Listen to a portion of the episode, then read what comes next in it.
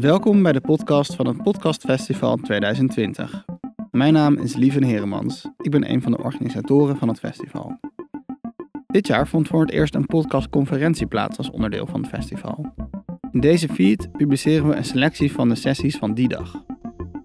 In deze aflevering hoor je de presentatie die Tabi mooi gaf in de storytelling track. Tabi maakt documentair audiowerk en laat aan het einde van de aflevering de eerste aflevering van haar eerste podcast horen. Nou, welkom allemaal. We beginnen vandaag met Tabi Mooi. Ik zal haar kort introduceren. Ze zal ons van alles vertellen en daarna kunnen wij van alles vragen aan Tabi zelf. Hoi Tabi, welkom. Leuk hoor. Uh, Tabi, is, uh, Tabi en ik kennen elkaar van de theaterschool. Vandaar dat ik het ontzettend leuk vind dat Tabi er is. Um, Tabi is theatermaker. Als ik het, uh, dat, ja, regieopleiding gedaan, maar theatermaker zou je kunnen zeggen. Uh, jij maakt altijd uh, theatervoorstellingen waarin alle zintuigen belangrijk zijn. Dus de ogen, de neus, de mond, de huid. Toch? Het is een experience als je naar voorstellingen van Tabi gaat. En nu ben je eigenlijk ook bezig met je eerste audioproject. Um, en je bent hier vandaag om te vertellen welke lessen je van het theater meeneemt naar het maken van een podcast. Nou, uh, heel leuk dat ik hier ben. Ik, uh, ik ben gevraagd eigenlijk door, door Misha, uh, die het podcastfestival organiseert. En die benaderde mij en ik zei, oh, ik weet ook niet of ik hier moet staan. Want ik ben eigenlijk net bezig met mijn eerste podcast idee. En, en toen zei ze, ja, maar ehm, het is volgens mij wel uh, tof dat je uit het theater komt. En toen ging ik over nadenken. Toen dacht ik, oh ja, ik doe al wel langer iets met audio. Dus er zit wel iets, uh, ja, audioverhalen heb ik wel gemaakt, maar binnen een andere context. En dat kan op zich wel interessant zijn om daarover te vertellen. Um, maar ik, ik dacht wel van, ik had een beetje een soort imposter syndroom van de, wat doe ik hier voor al deze mensen. Maar dus heel leuk om even te horen wat jullie allemaal doen. Um, even kijken. Jij, jij houdt mijn uh, tijd een beetje bij, hè? Ja, ga ik doen. Ja? Oké, okay, want ik, ik ben daar heel slecht in. Um, nou, ik ben dus Tabi Mooi. Ik ben theaterregisseur. Uh, ja, theatermaker, wat zin in neem. Maar ik ben ook psychologe. Dus voordat ik theateropleiding uh, heb afgemaakt, was ik ook uh, neuropsycholoog. En um, ik vertel dat omdat eigenlijk het ene wel een beetje met het andere te maken heeft. En dat nou, misschien ook een beetje in mijn werk te zien en te horen is. Um, ik uh, ja, ga jullie aan het einde ook iets laten horen van mijn eerste podcast. Ik noem het even de proloog, maar daar ga ik later over meer over vertellen. Um, waar zal ik? Ik heb notities gemaakt. Even kijken. Ja, om jullie een beetje een beeld te geven van, uh, van mijn werk. En ik moet zeggen, ja, ik vind het steeds raar om mezelf alleen maar als theaterregisseur, omdat ik ook nu, mijn vriend is documentairemaker, we maken ook films samen, uh, dus ik werk wel in meerdere vormen. En het is eigenlijk best wel lang geleden dat ik, uh, dit was Oerol, op Terschelling heb gestaan. Dus ja, maar goed, dit was, dit was mijn allereerste voorstelling op Oerol. Um, waarin je een grote groep ja, 50 man uh, met koptelefoon ziet. En je ziet daar uh, Wil Spoor, een acteur met wie ik uh, werkte. En wie Wil Spoor niet kent of kende, uh, hij is overleden. Uh, dat is eigenlijk een meme-legende in de Nederlandse geschiedenis. Hij was ook een van de oprichters van de meme-opleiding. Dus dat is de opleiding um, die heel fysiek theater maakt. Niet per se dat ze niet praten, dat is altijd een soort uh, ding. Romane, jij komt er vandaan, hè? Ja, een meme-opleiding. En um, ik kwam hem tegen en ik raakte heel gefascineerd door hem. En um, ik werkte ook echt in een afstudeervoorstelling met hem. En daar zat hij, daar moest hij een oude man spelen. En toen dacht ik, oh shit, ik heb hem eigenlijk... Ik heb hem wel goed gecast hoor, maar eigenlijk kwam hij niet helemaal uit de verf. Zijn persoon, uh, bedoel ik. Omdat het gewoon een heel concept was van, nou hij moest als oude man optreden. En toen dacht ik, oh, voor een volgende project wil ik graag heel graag iets met hem doen. En ik wil hem gewoon beter leren kennen. En, uh, en ook voor wie, voor wie wil niet kent, hij was iemand die op zijn tachtigste nog op een tractor door Amsterdam reed. Uh, en nog een, studio had op de ADM, ADM. En heel erg een soort, ja, um, gewoon een levenskunstenaar. Ja, zo kan ik het wel zeggen. En ik ben ehm, ja, ik had het idee om, om iets over hem te gaan maken. Eigenlijk een soort portret over hem. En over zijn kijk op het leven en uh, op de kunst. En ook een beetje over zijn leven nu nog. Want hij, hij was oud, hij was echt stram. Um, dus ik was ook heel erg benieuwd naar van hoe, hoe slijt hij nou zijn dagen? Wat doet hij nou? Uh, en ik ben hem begonnen te interviewen, eigenlijk heel intuïtief. Dus uh, dit is bij hem thuis, met een soort uh, vogel ding op de achtergrond waar geen vogel in zit. Um, en eigenlijk gewoon uren gepraat. Uh, dit was echt mijn startpunt, hè? dus uh, zo kwam ik bij audioverhaal. Uren met hem gepraat, ook met hem meegeweest naar, naar, uh, naar het café. En ik wist nog helemaal niks van de opname. Ik had een beetje zo'n ja, zo'n ding en ik zat daar een beetje... Maar ik wist al, ik ga niet ik ga niet deze audio gebruiken. Dus ik dacht gewoon, ik kom uit het theater. Dat, wat ik ga gebruiken, dat, dat, dat, dat vervorm ik allemaal. Dus het was gewoon een gesprek. En ik gebruikte eigenlijk de opnames vooral... Ik tikte alles uit. Uh, om te weten, oh ja, wat voor zinnen uh, uh, zegt hij. Want eigenlijk hoe hij, hoe hij was, zat heel erg in zijn taal daar kwam ik eigenlijk achter door het interview. Ik dacht, oh, hij heeft zo'n mooie manier, uh, uitspraken, uh, zijn stem ook. Uh, daarin schemert zijn karakter door. En eigenlijk terwijl ik hem aan het interview was en ik was met ehm, mijn begeleider aan het praten en die zei van ja, waarom, waarom gebruik ik eigenlijk gewoon zijn stem niet? Dacht ik, oh ja, dat kan natuurlijk ook. Nou, dus toen um, besloot ik om eigenlijk zijn stem te gebruiken in de voorstelling. En in de voorstelling daarvoor had ik een route gemaakt. Dus dat is wel belangrijk. Ik, ik, had, ik had al iets gemaakt waarin hij meeliep en het publiek meeliep. En ik dacht, ja, dat wil ik eigenlijk weer proberen. Dus uh, mijn vorm is niet dat mensen zitten en kijken, maar we lopen samen een route. En ik dacht, ah. Uh, als ik nou zijn stem gebruik en mensen koptelefoon doen, dan kunnen we dat verhaal gaan horen.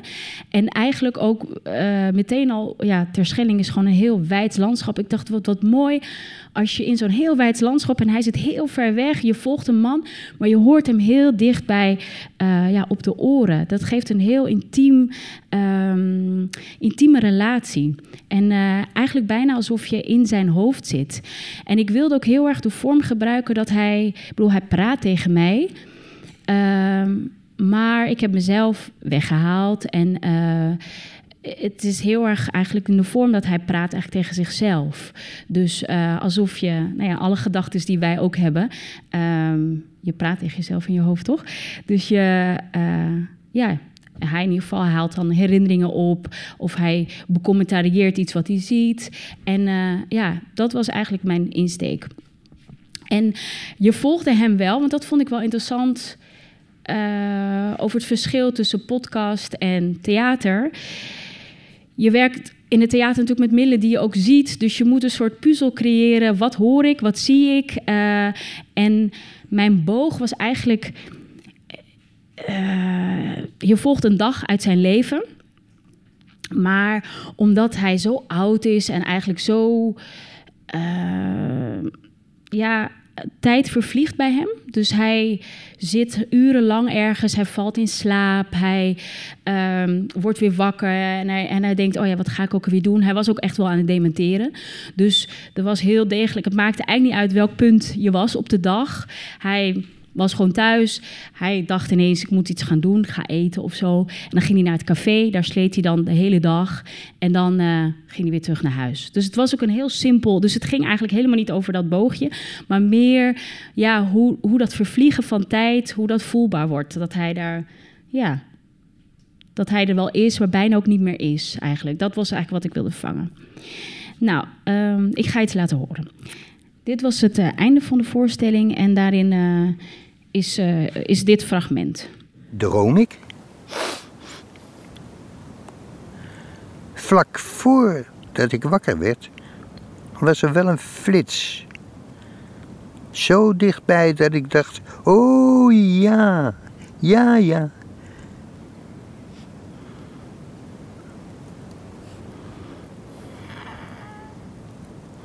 dat er iemand aan de deur stond. Dat herinner ik me.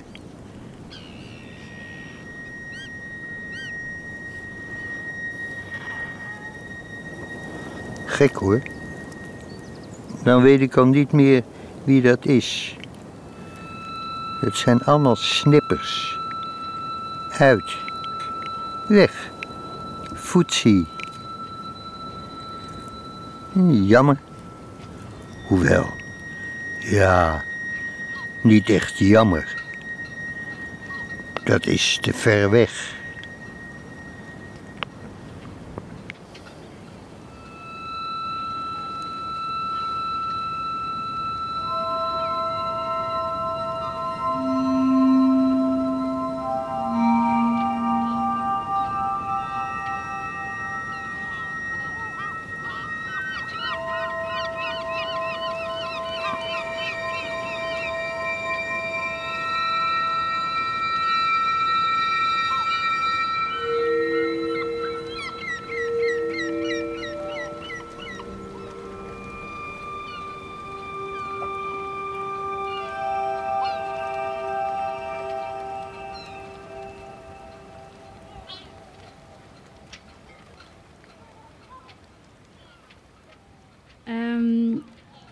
Ik, werk, ik werk altijd samen met een componist, eh, een goede vriend van mij, Tobias. En ehm, eigenlijk ook in dit project zijn we heel gaan zoeken naar die route eindigde in de duinen. Hij eh, wil, eh, liep dan het, het strand op. Het publiek bleef achter in een ja, een duinkuil, kan je kunnen zeggen. En op dat punt verschenen er ook altijd meeuwen. Dus wij speelden heel erg met het, het geluid van meeuwen wat dan verscheen. En mensen, je zag mensen ook kijken, eh, waar zijn ze of eh, zijn dat ze? Ehm, en dat is eigenlijk altijd wel een beetje... ehm, nou ja, waar we naar zoeken. Dat spel van er zijn en niet zijn. En ehm, ja, met één voet in de realiteit. Ik hoorde net een aantal mensen zeggen van ik doe fictie documentaire. eh, of de fictie podcast. En toen ging ik meteen denken van, oh ja, grappig. Want ik denk eigenlijk, ik, maak heel erg documentair, dus het is een waar gebeurd verhaal, maar ik benader het wel als fictie. Ehm, dus voor mij is de scheidslijn niet zodanig eh, strikt, omdat ik denk, zelfs in documentaire, he- recreëer je het verhaal. Dus is het eigenlijk net zo goed fictie. Ehm, of ja, ik vind het heel belangrijk dat het gegrond is in de werkelijkheid. Ik bedoel, ik heb niks verzonnen qua a- aan wil, maar je bent als maker, ben je het wel het verhaal eh, ja, aan het recreëren. Ja, ik zie een aantal knikken, dat is eh, fijn. Ehm, even kijken. Wat zien we nu? Oh ja, dit is. eh, ik, ik liet maar even zien. Dit was even een soort van. Eh, kleine boog. Eh, Het waren een soort terugblik ook op zijn, eh, op zijn jeugd. Dus ik had een jongetje die ook af en toe verscheen tijdens de route. Ehm, en dan heb je ook nog de vrouw. Dus nog herinneringen aan, aan een liefde. En het begon er eigenlijk over. Hij, hield van wijven. Daar hield hij nog steeds van. En het is eigenlijk ook een beetje een soort. Ik denk eigenlijk dat de dramaturgie, als ik nu terugkijk, hem ook zit in. Je zet een oude man neer en eigenlijk als je in zijn hoofd kijkt, dan komen er verrassende dingen. En eh, dat was een beetje het spel ook met hem. Want eh, ja, hij. Ja, dat vond ik heel erg. Maar eh, ja. Ehm, dit was het einde. Het publiek eigenlijk eindigde in de bar. We hadden gewoon in de zandkuil. D- ja, een beetje de suggestie van de, de, de kroeg van Wil nagemaakt. Natuurlijk helemaal niet. Maar toch, je kreeg een beetje de illusie dat je even daar was en hij liep dan weer verder. En we kregen dan ook een drankje. Dus eh, om het publiek een beetje te, te, te binden. En ook een beetje toch een voet in die wereld van hem te zetten. Eh, dat kan nu natuurlijk helemaal niet meer. En oh, je ziet mij, want ik heb de antenne vast. Ik heb het, ja, een soort ding vast waarmee eh, de. eh, ja, god, hoe- ik, ik ben helemaal niet technisch. Maar ehm, wij lopen en een soort kastje die het dan uitzendt. Dus dat, een zender, ja, dank je. Ehm, ja, ik zit te denken, hoe deed dat nou? Precies, ja, ja, want ik had natuurlijk helemaal geen geld. Het was gewoon een, eh, een atelier Oerol eh, en je, kreeg 500 euro of zo. Dus je moest allemaal houtje touwtje eh, doen. En inderdaad, zo'n silent disco. Ah, heel verschrikkelijk. Het is echt bijna niet te doen. Want als je publiek te ver uit elkaar dwaalt, dan, dan horen ze alleen maar storing. Dus je moet helemaal allemaal trucs verzinnen om ze dicht bij elkaar te houden. En dat ze natuurlijk niet naar jou gaan kijken, maar dat je gewoon meeloopt. Nou, ehm, dat. Even kijken.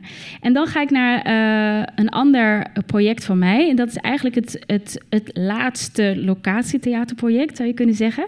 En dat was uh, Roet Mortel. En ehm, dat is een heel, ja, ik noem het gewoon een bijzonder project, omdat het heel persoonlijk uh, starten.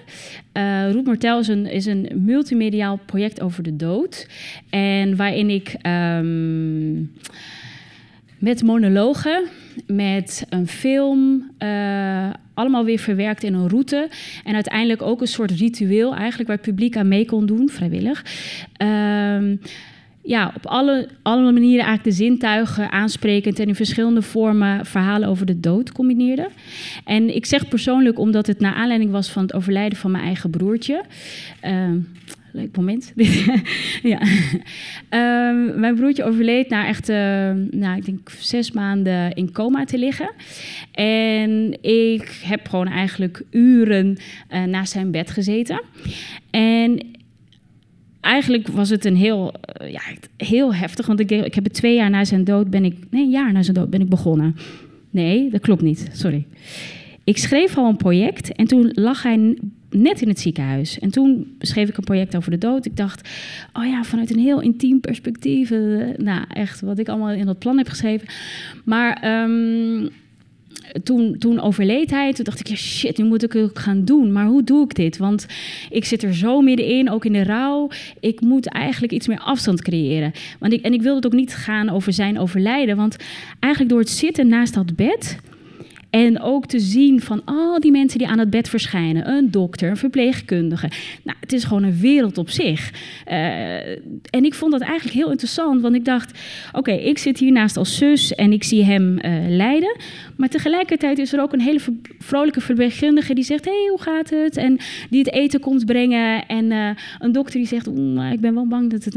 En ik vond het eigenlijk heel interessant dat het eigenlijk in die wereld van de dood... er zoveel verschillende perspectieven zijn. Wat het heel...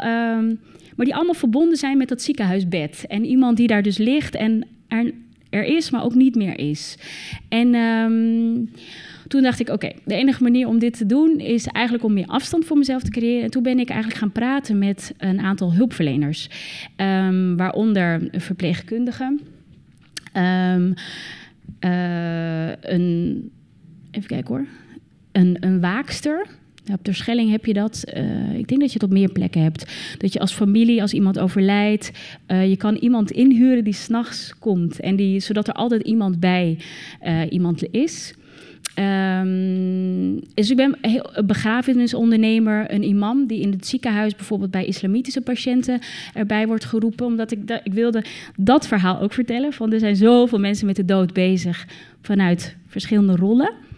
En, um, en hoe ik het uiteindelijk, want het werd weer een route, route mortel, um, is dat je als publiek aankomt. En ik dacht van ja, het is heel heftig. Hè? Dat kan heftig zijn over de dood te spreken. Maar hoe kan je mensen een soort lichte ingang geven? Um, want in de film, ik zal even terug. Gewoon kort hoor. Hier starten mensen uh, en die, die volgen een gids. Hier komen mensen aan, uh, dan gaan ze dus door het bos. Hier komen mensen aan in een zand, uh, hele grote zandkuil met een, ja, een blauwe doom. En daarin uh, zagen mensen een film van een familie die rondom een sterfbed zit. En eigenlijk nou, volg je zijn laatste dagen van overlijden, waarin ook een, een soort engel hem meeneemt. En die engel verschijnt uiteindelijk als mensen weer uit de doom komen. Die verschijnt dan daar, die neemt de mensen weer mee naar een, een boom. Uh, een lintjesboom noemden we het. Waar mensen dan uh, ja, voor iemand een lintje konden ophangen. En uh, dat, was, dat werd verder niet uitgelegd. Mensen begrepen het. Ook omdat de route afgezet was met lintjes al daarvoor in het bos. En uh, dus zo kreeg je eigenlijk op alle mogelijke manieren ja, uh, verhalen rondom de dood. En kon je ook iets voor iemand. Omdat het bij sommige mensen heel veel opriep. Um, dat. Ja, dit was binnen Oerol, uh, Festival. Sorry, ja, ik, het is allemaal ter schelling. Ik herken het, maar ik snap dat je het niet... Uh, ja. Um, ja, en wat ik... Ja, ik heb dus al die hulpverleners geïnterviewd. En ik deed dat niet alleen. Ik deed dat samen met een schrijfster. Uh, Malou, ook een vriendin van mij. En ehm, ja, dat waren hele mooie gesprekken. Eigenlijk dat was voor mij ook best wel helend om vanuit die kanten te horen wat zij doen en ja, hoe ze ook verhalen meenemen. Heel veel patiëntenverhalen. En dat leverde meteen al een frictie op, want het zijn, waren soms ook verhalen die gewoon, ja, waar mensen zeiden, ja, ik wil het eigenlijk liever niet dat anderen zich daarin herkennen. Dus het moet enigszins anoniem blijven. En um, toen zei ik, ja, dat, dat, respecteer ik, maar ik wil heel graag um, uh, uh, het laten inspreken door acteurs. Dus, uh, en ik ga het sowieso ook een, ja, tot een monoloog maken. Dus ik ga niks veranderen, maar ik ga het wel terugbrengen tot iets, omdat het ook in, gecombineerd moet worden met anderen. Dus. Um, ja, dat was, dat was nog een hele tour. Van hoe krijg je, want ik had twee routes. Uh, uh, route A was met uh, bijvoorbeeld met de huisarts, met de verpleegkundige en met de begrafenisondernemer. Nou, route B was dan imam. En, dus je kreeg ook niet dezelfde verhalen te horen. En die moesten natuurlijk allemaal even lang zijn. En het moest, dus dat was nog een hele puzzel. Ik ga jullie wat laten horen.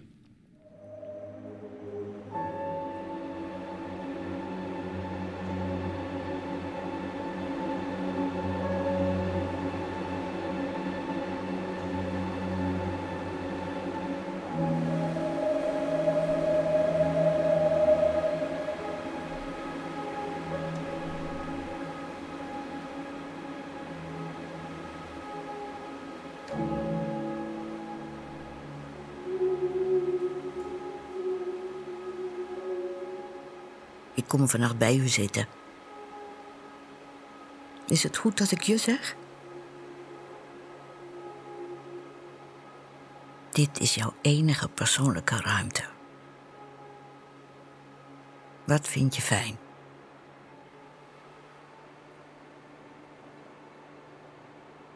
Wil je hem in de buurt hebben? Vind je het fijn als ik je hand vasthoud?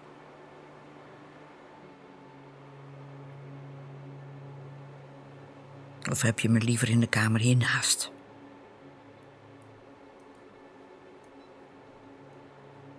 Ik heb altijd een paar dingen bij me. Een omslagdoek voor als het koud wordt. Je bent de hele nacht op en zit meestal stil. Mijn boek.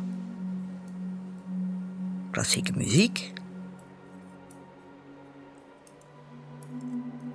En mijn breiwerk.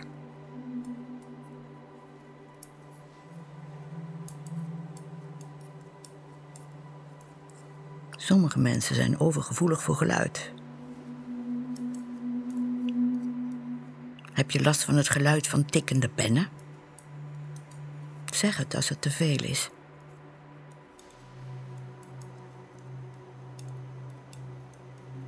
Als je wilt praten, dingen delen, gedachten. Ik zit hier nog wel even.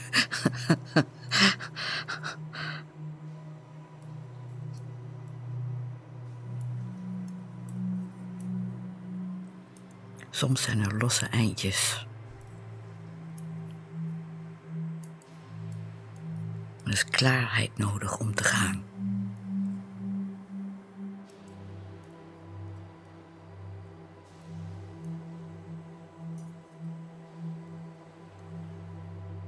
Vanaf vier uur s'nachts wordt het steeds zwaarder om wakker te blijven. Concentreren wordt moeilijker.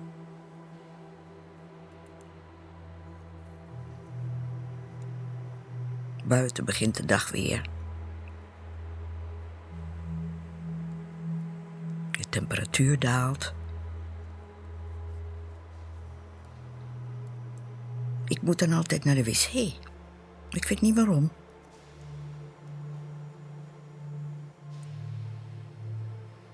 Mensen overlijden vaak als je naar de wc bent. Alsof ze alleen moeten zijn om los te kunnen laten.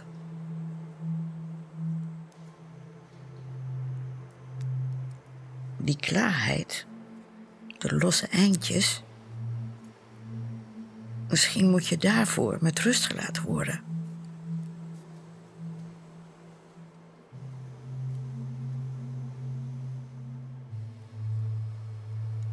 Over een paar uur komt je familie. Ik zal koffie zetten en thee. Ik probeer te verdwijnen in de achtergrond.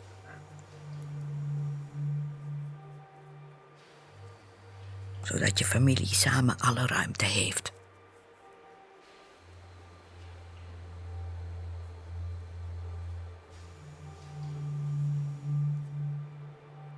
Als ik alles klaar heb gezet, raap ik mijn spullen bij elkaar. Ik loop naar de deur en ik trek hem zachtjes achter me dicht.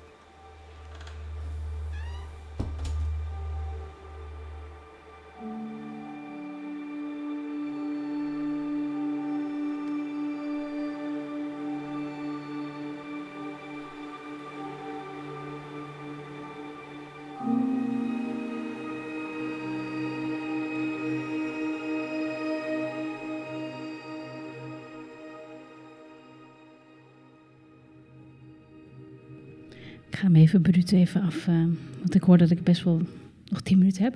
Ik had eigenlijk ook nog de imam, maar ik, eh, ik ga het even...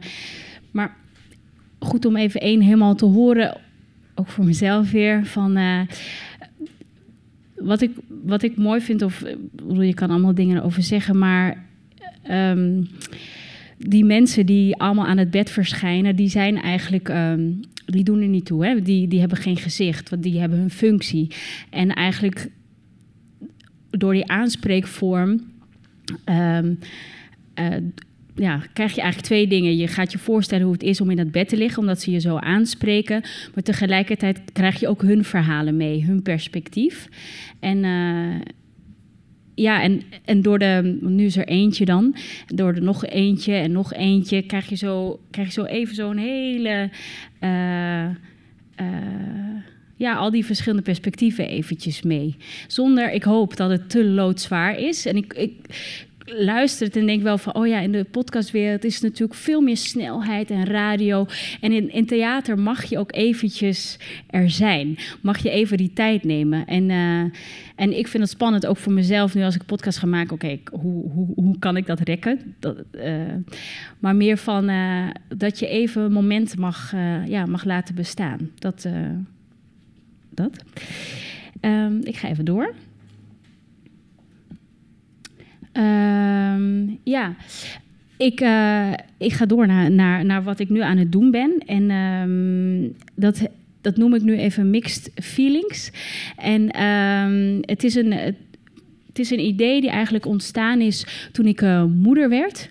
En ik heb daar eigenlijk, eh, eh, ik weet niet hoe jullie dat allemaal doen, maar niet moederschap, maar een nieuw project nadenken en financieren. En ik heb eigenlijk, omdat ik dus als theatermaker een, een op zichzelf staand audioverhaal wil doen, heb ik eigenlijk een ontwikkelingstraject bij het AFK aangevraagd. Dus een hele goeie, eigenlijk voor wie.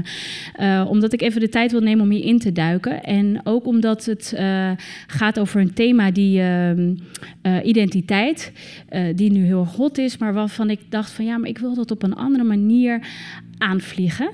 En, ehm, en het gaat eigenlijk over, sinds ik moeder ben geworden, eh, dat ik anders ben gaan kijken naar mezelf, naar wat ik doorgeef en waaruit ik eigenlijk allemaal besta dan. En ik ga daar, ja, ik, dat, dat.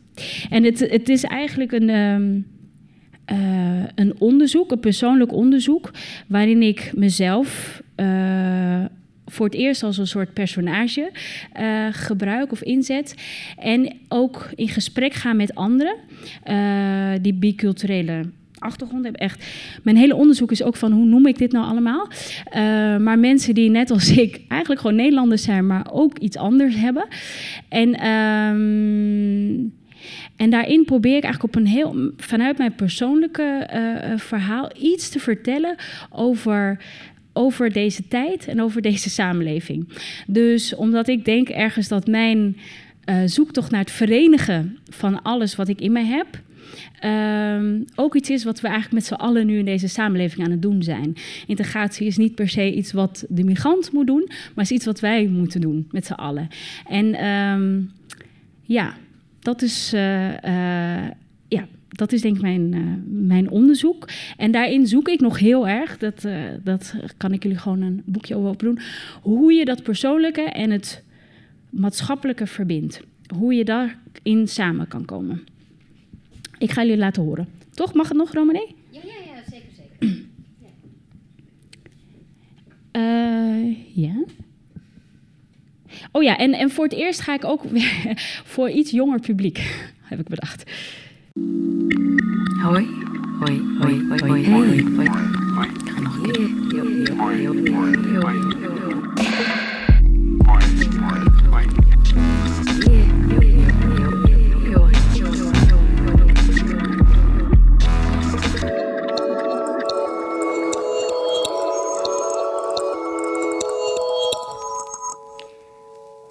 Hoi, ik ben Tabi. Hoi, ik ben Tabi. En ik ben vrouw, theatermaker, moeder, psychologe. Een heleboel dingen dus. Maar als ik mensen ontmoet, krijg ik al snel de vraag: hey, waar kom jij vandaan? Ik zie ze inzoomen op mijn gezicht, mijn huid en mijn haar. Ze willen weten wie ik ben. Door me te lokaliseren, ergens een punt te plaatsen op een wereldbol. Maar zo makkelijk ben ik niet te vangen. Ik kaats hem terug. Waar denk je waar ik vandaan kom? Raad maar. Ik heb de gekste dingen gehoord. Ik kan blijkbaar moeiteloos doorgaan voor zowel Marokkaans als Aboriginal, Caledonisch, maar ook Surinaams, Antilliaans, Arubaans, Braziliaans. Het geeft me het gevoel dat ik van alles kan zijn voor de ander. Iets waarop je kunt projecteren. Een droombeeld. God, waar zou ik vandaan kunnen komen? Soms kom ik wel eens in de verleiding om een nieuw verhaal te verzinnen. Hey, ik ben Tabi en ik kom uit ehm, Moskou. nee, ja, ik ben half, ik ben Tabi en ik half uit- Portugees, half. Ja, ik, ja, ik ben Congolees. Ik ben, nou ja, nee, ik, ben, geboren in eh, Algerije. Ik ben, eh, nee, ik ben geboren in Vietnam. Nou, ik ben, ik ben Chinees. Ja, nou, ik ben, ik ben, ja, god, ja, ik ben Nederlands, Zuid-Afrikaans, iets tussen zwart en wit in. Beetje cappuccino. Mokka. Tenminste, mijn moeder is Nederlands, mijn vader Zuid-Afrikaans, maar ik ben geboren in Angola. Daar waar mijn ouders elkaar toevallig ontmoetten. Waar ze bleven er wonen tot ik vijf jaar oud was. En we met onze familie naar Nederland emigreerden. En na allerlei omzwervingen, want ik heb in Den Haag gewoond, in Barneveld, in Deventer. eh, nog een andere kant van Deventer. En toen ben ik op een gegeven moment naar Amsterdam gegaan. En daar heb ik in allerlei wijken gewoond. In Nieuw-West, West, Oost, Noord, Zuid. eh, ja. Dus als je mij vraagt, waar kom je vandaan? Ja. Heb je even?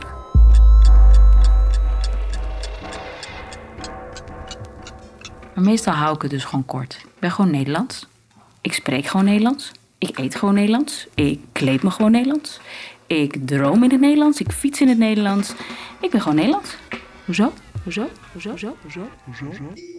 Ik ken mijn Zuid-Afrikaanse familie nauwelijks.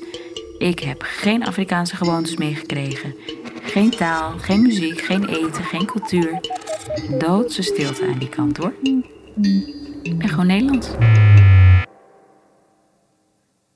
Het enige wat ik kan grijpen is mezelf. Mijn arm, mijn been, mijn hart. En als ik mijn ogen dicht doe, zie ik geen kleur, geen nationaliteit. Ik ben gewoon ik. Ook aan mijn stem kun je mij niet vastpinnen. Ik heb heel lang mijn best erop gedaan om neutraal te klinken. Neutraal. Als kind nam ik me dat al voor. Oh god, als ik maar niet dat Deventers accent heb. Neutraal. Ik moet neutraal Nederlands leren spreken. Neutraal. Neutraal. Zodat niemand kan horen waar ik vandaan kom. Neutraal. ben gewoon Nederlands. Neutraal Nederlands. Neutraal Nederlands. Dat dacht ik tenminste. Totdat ik moeder werd. En het leven doorgaf aan een echt Amsterdamse. Mijn meisje. Dat was het moment dat alles veranderde. Op een koude winterochtend, januari. Ik liep met mijn bundeltje baby onder mijn dikke jas. Haar hoofd stak er amper uit en ik keek continu in mijn kraag of ze nog ademde. Ik liep, onzeker, als een pasgeboren moeder. En ik ging voor het eerst een blokje om. Eén straat van mijn huis. En terwijl ik mijn baby omhulde, haar warme lichaam tegen die van mij voelde, blies ik mijn handen warm. En ik liep een man tegemoet, die mij vriendelijk toelachte. Ik weerkaatste zijn lach als vanzelf, trots op mijn verhulde baby, veilig en warm binnen mij, als een stil geheim. En die man wierp mij toe. Koud, hè? En mijn lach verbreedde. Ja, zei ik, koud. Ah, dat is vast heel anders dan waar jij vandaan komt, voegde hij eraan toe. En op dat moment bevroor ik. Ik viel stil. En terwijl mijn ene ik stamelde, niet uit haar woorden kwam en snel naar huis vluchtte, stond mijn andere ik stil. In zijn ogen zag ik een vrouw, een donkere vrouw met haar baby, gevlucht uit een of ander land. Immigrant, een asielzoeker, een bootvluchteling, een nieuwkomer, een buitenstaander. Beland in de kou, eindelijk veilig, maar haar tropische moederland missend. En terwijl mijn andere ik hard de deur achter haar dichttrekt, stampvoetend drie etages omhoog klimt, zichzelf uitvoetert omdat ze niets gezegd heeft en niets ervan begrijpt waarom ze zo verward is, niet doorheeft dat er iets veranderd is. Want sindsdien zijn er die twee, ikken, die zich hebben afgespleten, ieder een eigen weg gegaan. De ik die ik dacht te zijn, veilig in haar buurt, in haar vertrouwde wereld, en die andere ik die daar nog op straat zwerft met haar baby. Die Afrikaanse vrouw die ik schijnbaar ben, in de ogen van anderen dan. Die, die ik, die ander, die blijkbaar in mij leeft, wordt soms nu even tastbaar. En als ik iemand zie kijken naar mij even langer dan ik normaal acht, dan, dan, dan aarzel ik. Stap ik nu soms mis, denk ik na, vraag ik me af welke ik zien zij nu. Welke ik verwachten ze van mij? Welke ik moet ik zijn? Welke ik ben ik? En nu zet ik stappen. Loop ik bewust in iemands anders voetsporen? Beweeg ik me in een richting die ik zelf nooit zou inslaan? En zie ik opeens nieuwe dingen, andere mensen, die net als ik van alles kunnen zijn, verwanten, die alle gedaantes aannemen. Mensen waaraan je niets kunt aflezen, of alles, of iets. En ik volg hen, ik besluip hen, ondervraag hen, probeer onder hun huid te kruipen en te ontdekken hoe zij dat doen. Leven, praten, werken, balanceren, nestelen, hechten, thuis voelen. Ik weet niet hoe ik hen, ik weet niet hoe ik hen moet vragen. Goh, ben jij. Wat? Ik haat het. Ik, ik sta moe. Maar ik doe het toch. En ik word vanzelf die ander die ik haat. Ehm, hoi. Hoi, mag ik jou iets vragen? Waar, waar kom jij vandaan? Tot hier, denk ik. Het Podcastfestival 2020 is een initiatief van het Podcastnetwerk en wordt mede mogelijk gemaakt door het Stimuleringsfonds voor de Creatieve Industrie, Stichting Democratie en Media, het Stimuleringsfonds voor de Journalistiek, anderhalve meter steunfonds van de gemeente Nijmegen, de Landelijke en Katholieke Stichtingen voor Blinden en Slechtzienden, het Nederlands Instituut voor Beeld en Geluid, Topcast Media, Hindenburg, Auto.nl en een samenwerking met Tolhuistuin, OneWorld, VPRO-gids, Podnieuws, Dag en Nacht Media, Radio Dakhuis, Wintertuin De Nieuwe Oost, Potgrond, Women Inc. en Riverside.fm. En de tune die je hoorde werd geprogrammeerd door Hai Kranen. Luister het hele festival terug op www.podcastfestival.nl.